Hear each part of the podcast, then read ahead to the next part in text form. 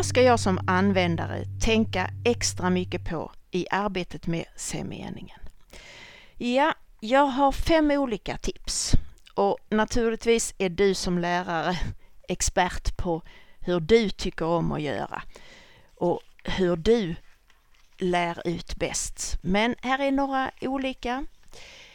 Eh, nummer ett, daglig användning. Det är det allra viktigaste tror jag. Varje dag och speciellt i början. Det tar tid att arbeta in färgerna och eleverna måste känna att de får hjälp av dem. Eh, och det får de när de kan titta på satsdelsormen och direkt identifiera satsdelarna. Men man måste använda eh, se meningens satsdelskort och satsdelsormar så ofta att det inte är en ansträngning att komma på vad färgen står för. För allt annat grammatikarbete kräver ju så mycket tänkande. Och eleverna jobbar ju ofta på toppen av sin förmåga varje dag, varje dag.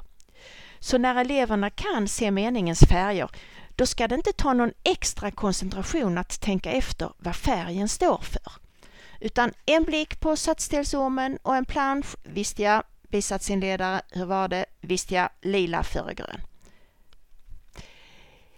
Sen har jag ett tips här som kräver väldigt mycket fingertoppskänsla. Eh, men jag tror det är väldigt viktigt också. Det gäller det vanliga samtalet, alltså även utanför lektionerna. Eh, och i allt vanligt prat liksom. Att bryt ibland och kanske bara visa med ett tecken att nu kom det tid och plats först. Då måste du byta plats på verb och subjekt. Eleverna vill ju göra rätt.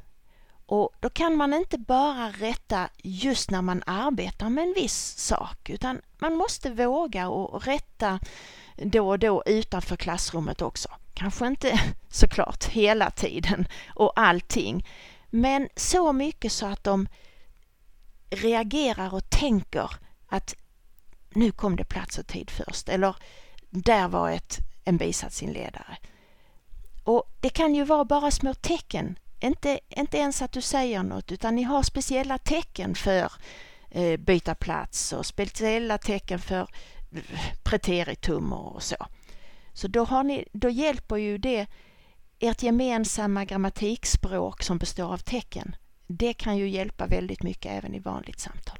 Men som sagt, fingertoppskänsla så inte eleverna eh, känner att de eh, att någon hela tiden eh, tittar på dem och de känner att oh, jag måste göra rätt hela tiden så inte läraren säger till. De ska, måste ju känna glädje och de måste ju känna entusiasm och, och, och ha, känna att språket bara flödar också. Ja, trean. Låt planscher och satsdelskort och satsdelsormar alltid sitta uppe. De har magnet på baksidan allihopa och ormarna kan hänga längst ner på tavlan så tar de inte någon plats.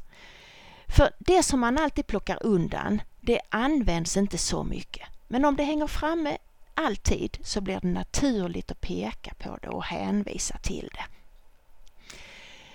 Sen har jag en fyra här som är var noga med att betona att vid varje punkt och vid varje bindord så börjar en ny satsdelsorm. En ny omgång med minst subjekt och verb. Så när ni skriver så, hitta alltid avgränsningarna. Var är punkten? Var är det något bindord? Finns det något bindord? Bisatsinledare? Okej, då tar vi den här biten först som är före bindordet. Och då är det en full satsdelsorm och sen kommer en ny satsdels, satsdel med en ny satsdelsorm. Eh, och då får, de, då får de mer koll på hela uppbyggnaden.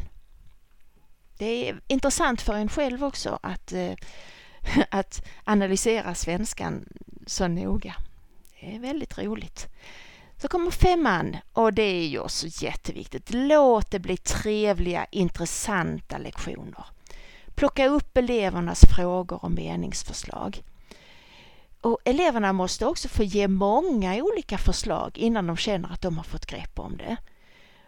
Och gör något annat när intresset och orken svalnar för den lektionen.